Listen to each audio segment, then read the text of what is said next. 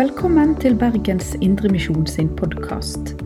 For mer informasjon om oss, besøk oss på betlehem.no, eller finn oss på Facebook og Instagram der som Bergens Indremisjon.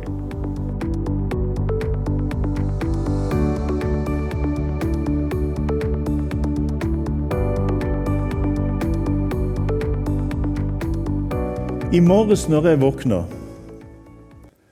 så var det en sangstrofe som kom til meg. Og Den sangstrofa den er fra sangen som står på 245 i vår gamle ortodokse sangbok. Og sangen er 'Det meg gleder mest er Jesu underfulle frelsesverk'. Altså det meg gleder mest. Her er, her er ganske mye å glede seg over. Og så kan vi prøve oss på om det er dette som gleder oss mest, altså Jesu underfulle frelsesverk. Ehm, den siste, den siste satsen i denne sangen, i vers 3 Og hans kjærlighet er bunnløs, og hans nåde er så stor. Herrens miskunnhet den rike aldri tolkes kan med ord. Og så kommer det som jeg våkner med i dag. Og den kraft han gir til svake. Den er mer enn nok for meg. Himmelens fryd jeg snart får smake. Jesus banet har min vei. Og den kraft han gir til svake, den er mer enn nok for meg. Det leder meg videre inn i det jeg har på hjertet i dag. Det er ikke den oppsatte dagens tekst, men for meg er det sånn at dette har talt til meg, og så gir jeg det videre til deg. Og Alt jeg kommer til å lese og si her i dag, har du hørt mange ganger før.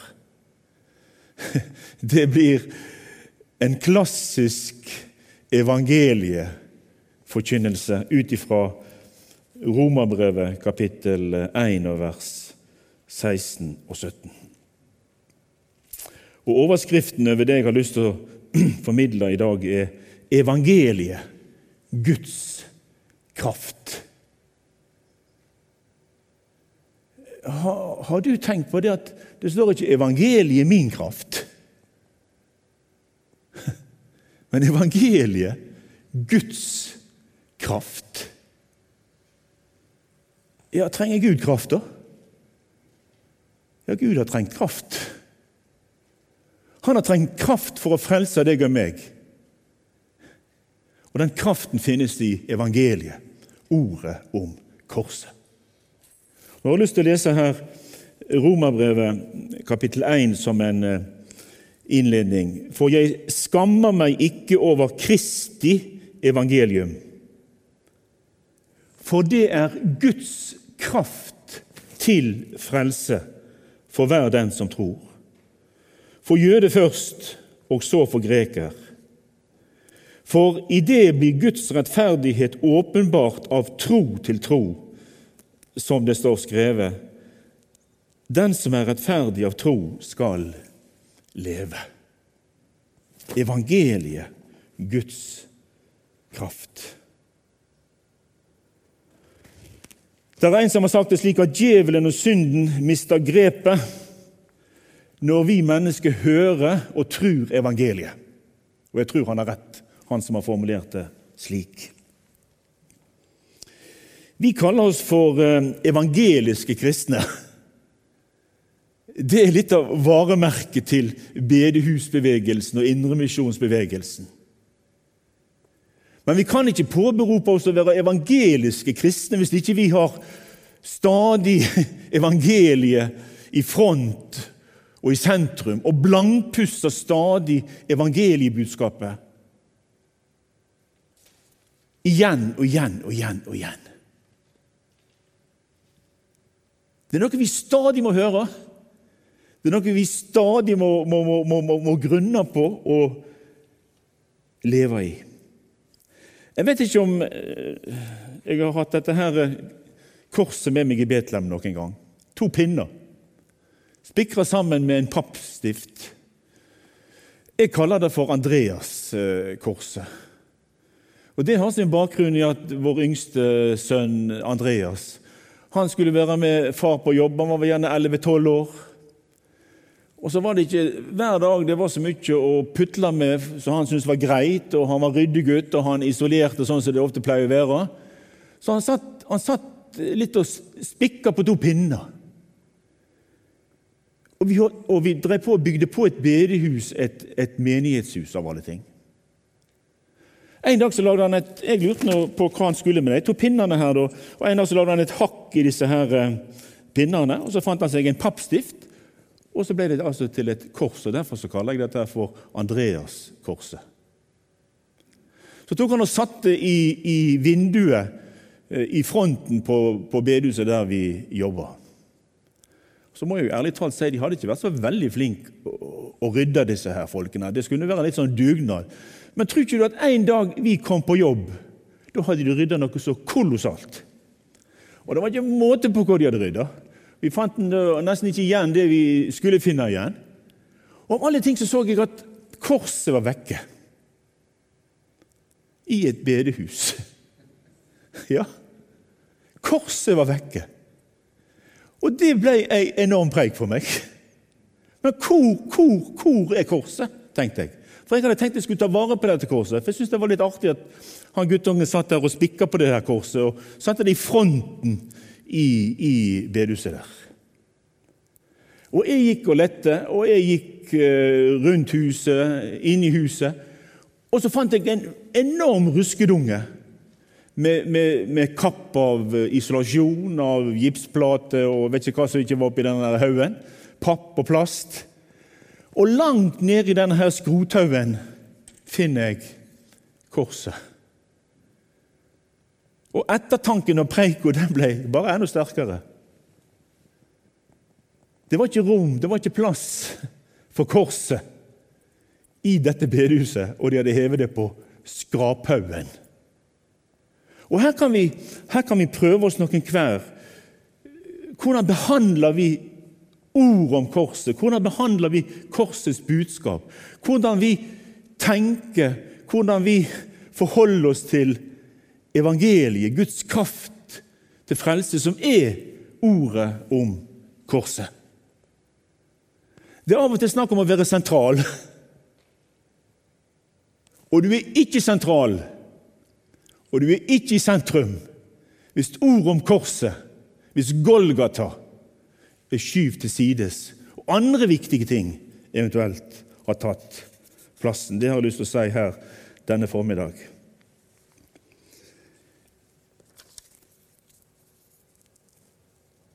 Guds kraft til frelse. For greker sist, men først for jøde. Av og til så, og Jeg har gjerne muligens sagt det sjøl sånn og på denne måten at evangeliet, ord om korset, kom til oss hedninger fordi at jødene forkasta evangeliet. Det er en og alene grunnen til at du og jeg som sitter her oppe i Norden, nå har fått hørt evangeliet, ordet om korset. Jeg tror ikke det er helt rett å si det på den måten. For Gud har fra evige tenkt at evangeliet skulle ikke bare være for jøde, men også for greker, skråstrek, hedning, skråstrek, folkeslagene. Og Hvis du går til f.eks. Sakarias 9,10, Malakias 1,11, så er det helt tydelig at profeten profeterer om at en dag skulle Gud ikke bare være god mot jødene og Israel, han skulle også være god mot folkeslagene. Ja, Ikke-jøder, sånne som deg og meg. Så Guds plan har vært fra evighet av ikke bare å frelse jøder, men òg å frelse oss som tilhører folkeslagene. Hedningene, hvis noen syns det høres mer åndelig ut. I 1. Korinterbrev, kapittel 1 og vers 18, så sier òg Paulus, som er en enormt solid korsforkynner, evangelieforkynner. Jeg tenker veldig ofte når jeg leser Paulus og leser hans korsteologi Hadde ikke Gud fått tak i Paulus og reist opp Paulus, så hadde vi vært fattige på utleggelse av korsteologien. Ja. Selvfølgelig kunne han finne en annen en, men det var Paulus som han henta ut. Rykka ut av sin fariseriske tilværelse. Og så ble han evangelisten over alle evangelister. 1. Korinterbrev kapittel 1, 18. For ordet om korset er en dårskap for dem som går fortapt. Men for oss som blir frelst, er det Guds kraft. Ord om korset er Guds kraft. For at Gud skulle kunne frelse deg og meg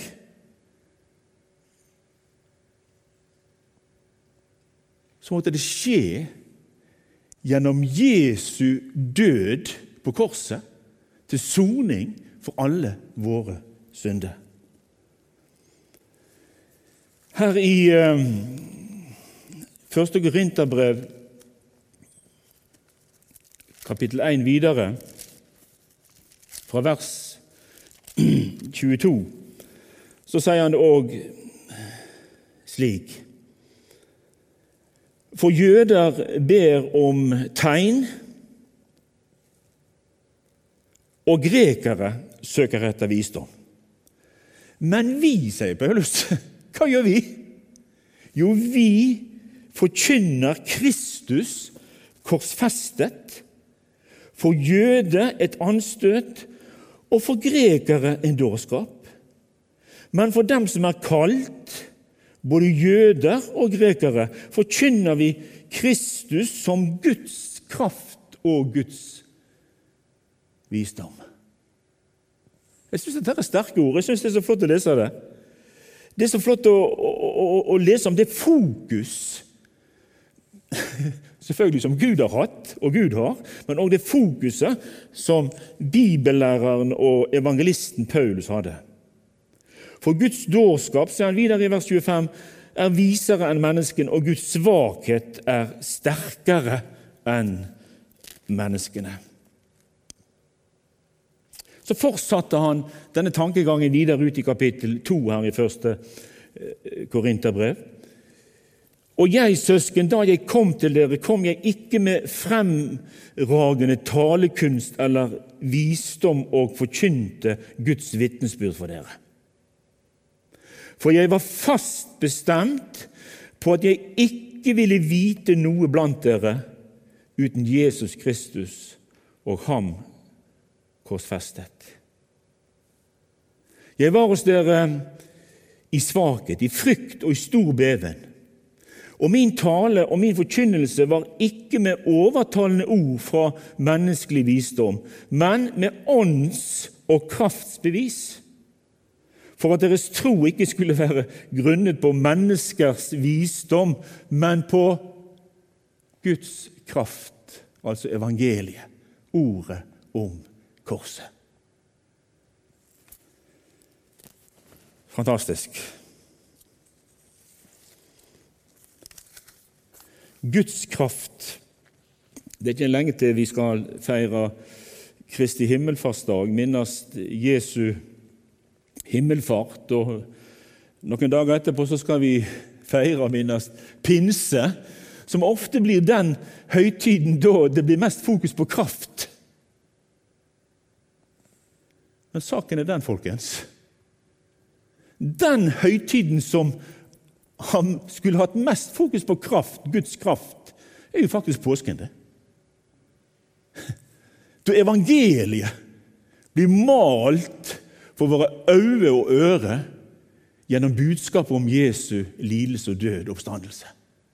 Og der var det kraft, og i det er det kraft.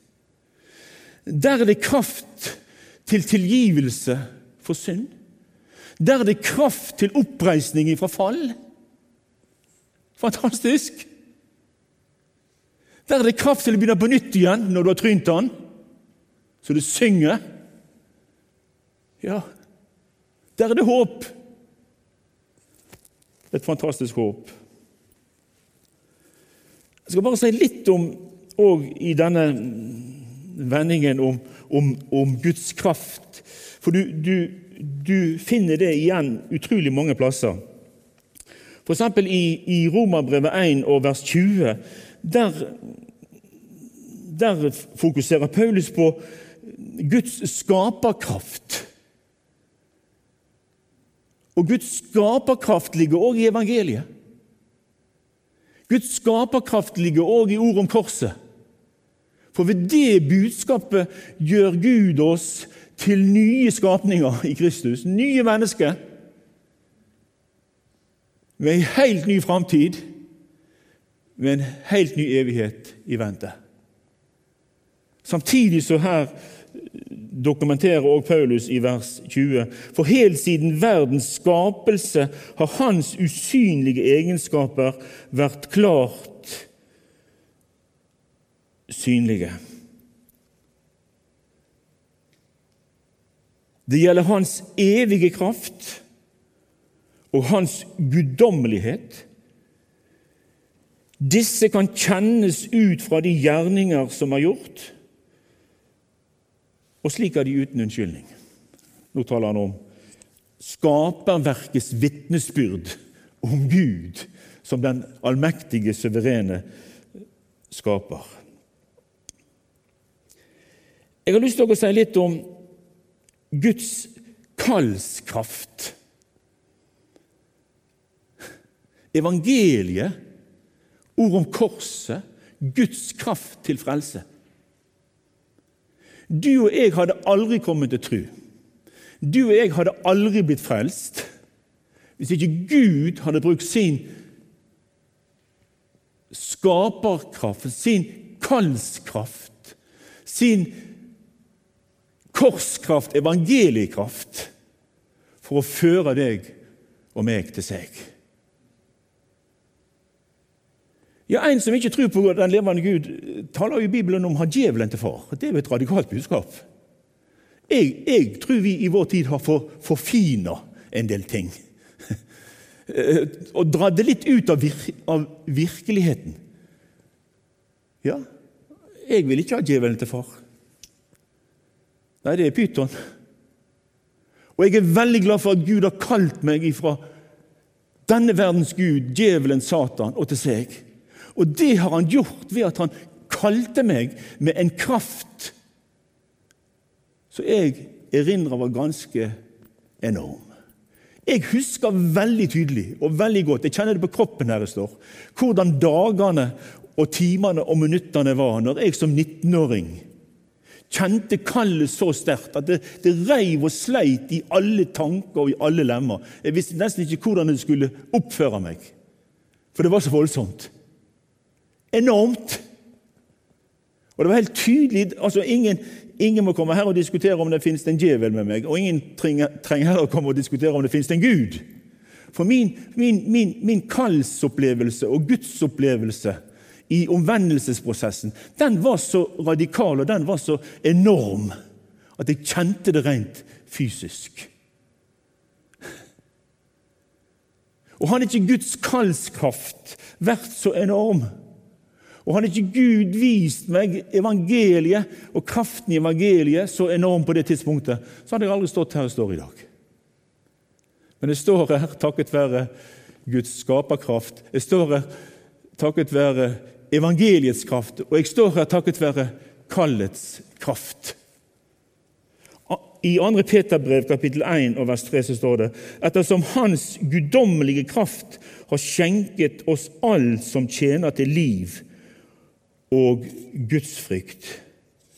Ved erkjennelsen av Han som kalte oss ved herlighet og guddoms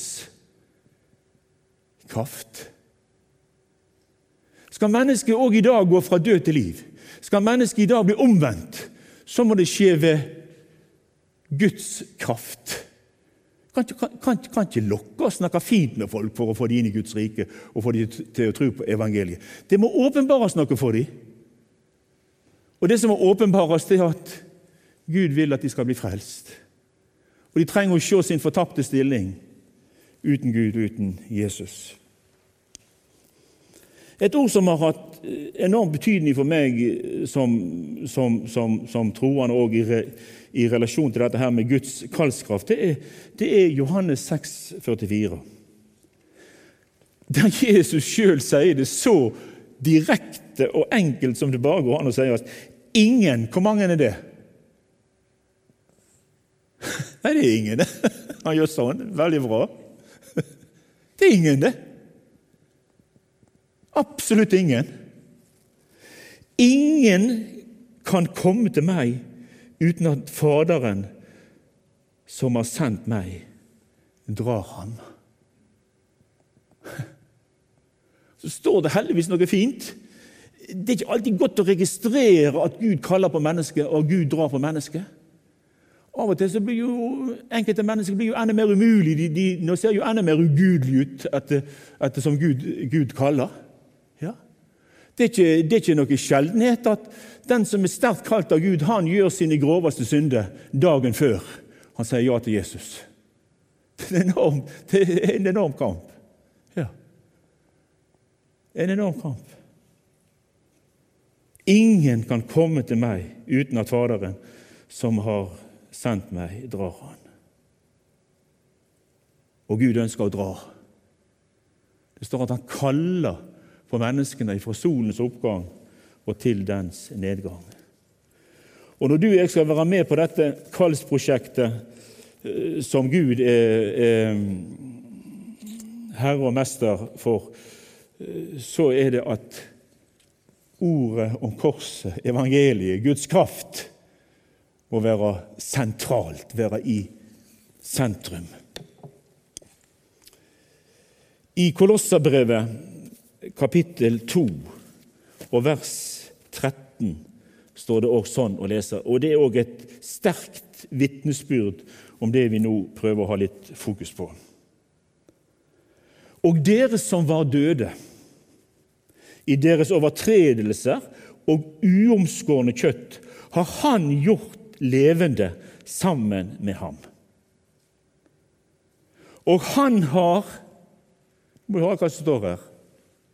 Er det lenge siden du har lest dette, her, så må du spisse ørene nå. Og han har tilgitt dere alle. Hvor mange er alle? Ja, ti, det var nå lite, da. Du, du virker utrolig solid, og det er du.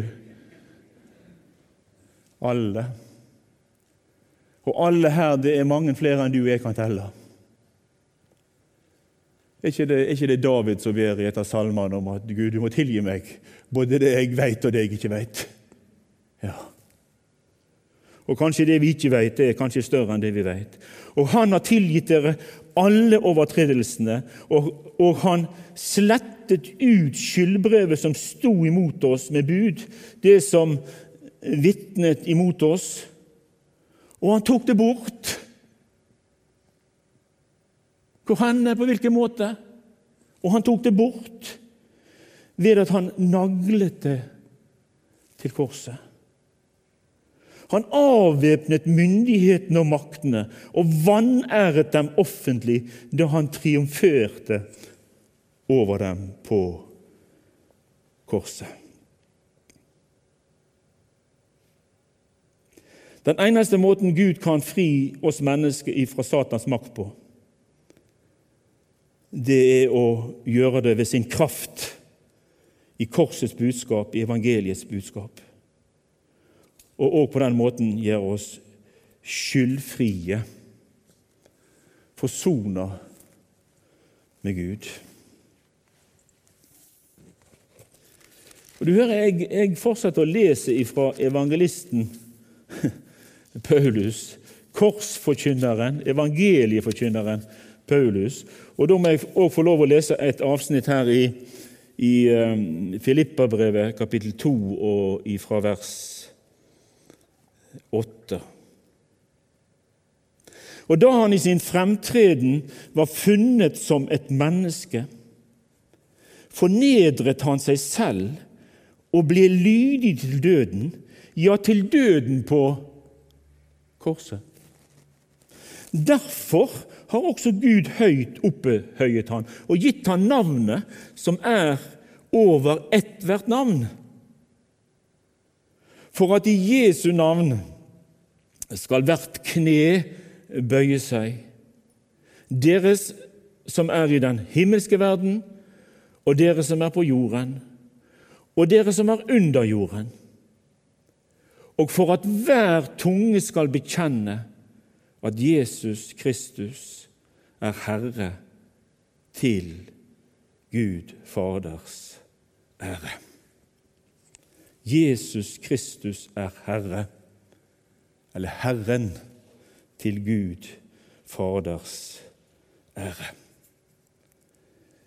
Har du tenkt på Var ikke det nok at det bare sto 'den som eh, tror på Jesus', bekjenner at Jesus Kristus er frelser? Hadde, hadde ikke det vært greit nok? Var det nødvendig med dette Herre og Herren? Har du tenkt på det? Jeg har tenkt litt på det, og nå skal jeg drive litt reklame helt til slutt. Eh, Stig Magne Heitmann han er en grepakar. Johannes nikker, og det var godt. Jeg var redd for at han ikke skulle nikke. Han har gitt oss en fantastisk bok som har blitt lest i vår heim denne vinteren. 'Jesus vant, og vi vil vinne'. Den må du skaffe deg, og den må du lese. Han tar for seg det som blir kalt for protevangeliet. Eh, første Mosebok kapittel 3 vers 15, om slangen og kvinnens ett. Så drar han dette gjennom hele historien, gjennom hele bibelhistorien. Og det er kjempeaktuelt, det som står i denne boka her, vil jeg påstå. Den, den eh, var med å fornye en del tanker hos meg. Den var med og ga meg noen nye impulser. Jeg så, la merke til noe jeg ikke hadde lagt merke til skikkelig før. Blant annet det som det, det, er kanskje en liten parentes i forhold til det jeg har sagt før, men jeg hadde bare lyst til å ta dette med her, siden vi leser dette uttrykket her i, i um, Filippabrevet 2 om å bekjenne Jesus Kristus som Herren. Når dette her fatale syndefallet som rota det så enormt til, skjedde, og du leser om det i Første Mosebok, så er slangen der. Fienden. Han som var kasta ut fra den himmelske sfære fordi han ville være noe som Gud ikke hadde satt han til å være, og ville at han skulle være. Han yppa seg og han ville ha en posisjon som var ikke var tiltenkt han fra Guds side. Slangen står det her i kapittel 3 og vers 1. Slangen var listigere enn noe annet dyr som Herren Gud hadde gjort på marken. Han sa til kvinnen, 'Har Gud virkelig sagt?' Dette har jeg lest mange ganger. Utrolig mange ganger. Og Her en dag så oppdaget jeg det at når djevelen, slangen, omtaler Gud, så utelater han et viktig ord her, nemlig Herren. Ja. Jf. òg når Jesus ble frista av djevelen. Du leser om det i Lukas 4 og Matteus 4. Så er jo slangen, djevelen, ute etter Jesus og får han til å bøye seg for seg, så kunne han få herse og regjere på denne jorda sånn som han bare ville. Prøvde å få han på glid til noe som ikke var Guds plan og Guds hensikt.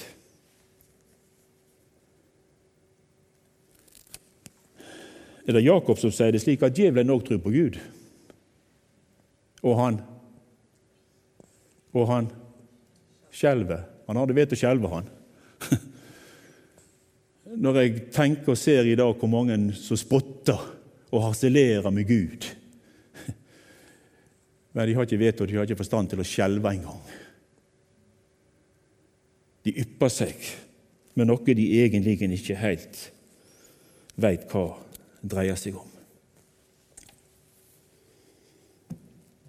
Det er radikalt å skifte ut djevelen som far og Gud og Herre til Gud, til Jesus Kristus som Gud og Frelser og Herre. Fra Satans makt og til Gud trenger du og jeg å frelses med Guds kraft. Evangeliet om korset. Da får vi det òg slik. Vi vil bekjenne Jesus Kristus. Ikke bare en som gir litt lykke og komfortable følelser i ny og ne, men å bekjenne Jesus Kristus som Herre. Og vi gjør det til Gud Faders ære. Vi ber ei kort bønn. Eh, gode Far i himmelen, vi takker deg fordi at vi skal få lov å tro på korsets budskap. Vi skal få lov å tro at evangeliet, ord om korset, det er den kraft som du kan og vil frelse oss ved. Det er den kraft du vil og kan fri oss ifra synden og djevelen med. Og det er dette du lykkes med stadig vekk. Når du når inn til mennesket med ditt sterke kall, og mennesket får nåde til å tru og vende om. Vi ber om at vi i denne tid må være i sentrum når vi forkynner. Være i sentrum med det budskapet vi forkynner. Og sentrum er ifølge ditt ord ordet om korset. Velsign oss som sitter her, og den enkelte som lytter til denne søndag. I Jesu navn. Amen. Du har lytta til Bergens Indremisjon sin podkast. For mer informasjon om oss, besøk oss på betlehem.no, eller finn oss på Facebook og Instagram der som Bergens Indremisjon.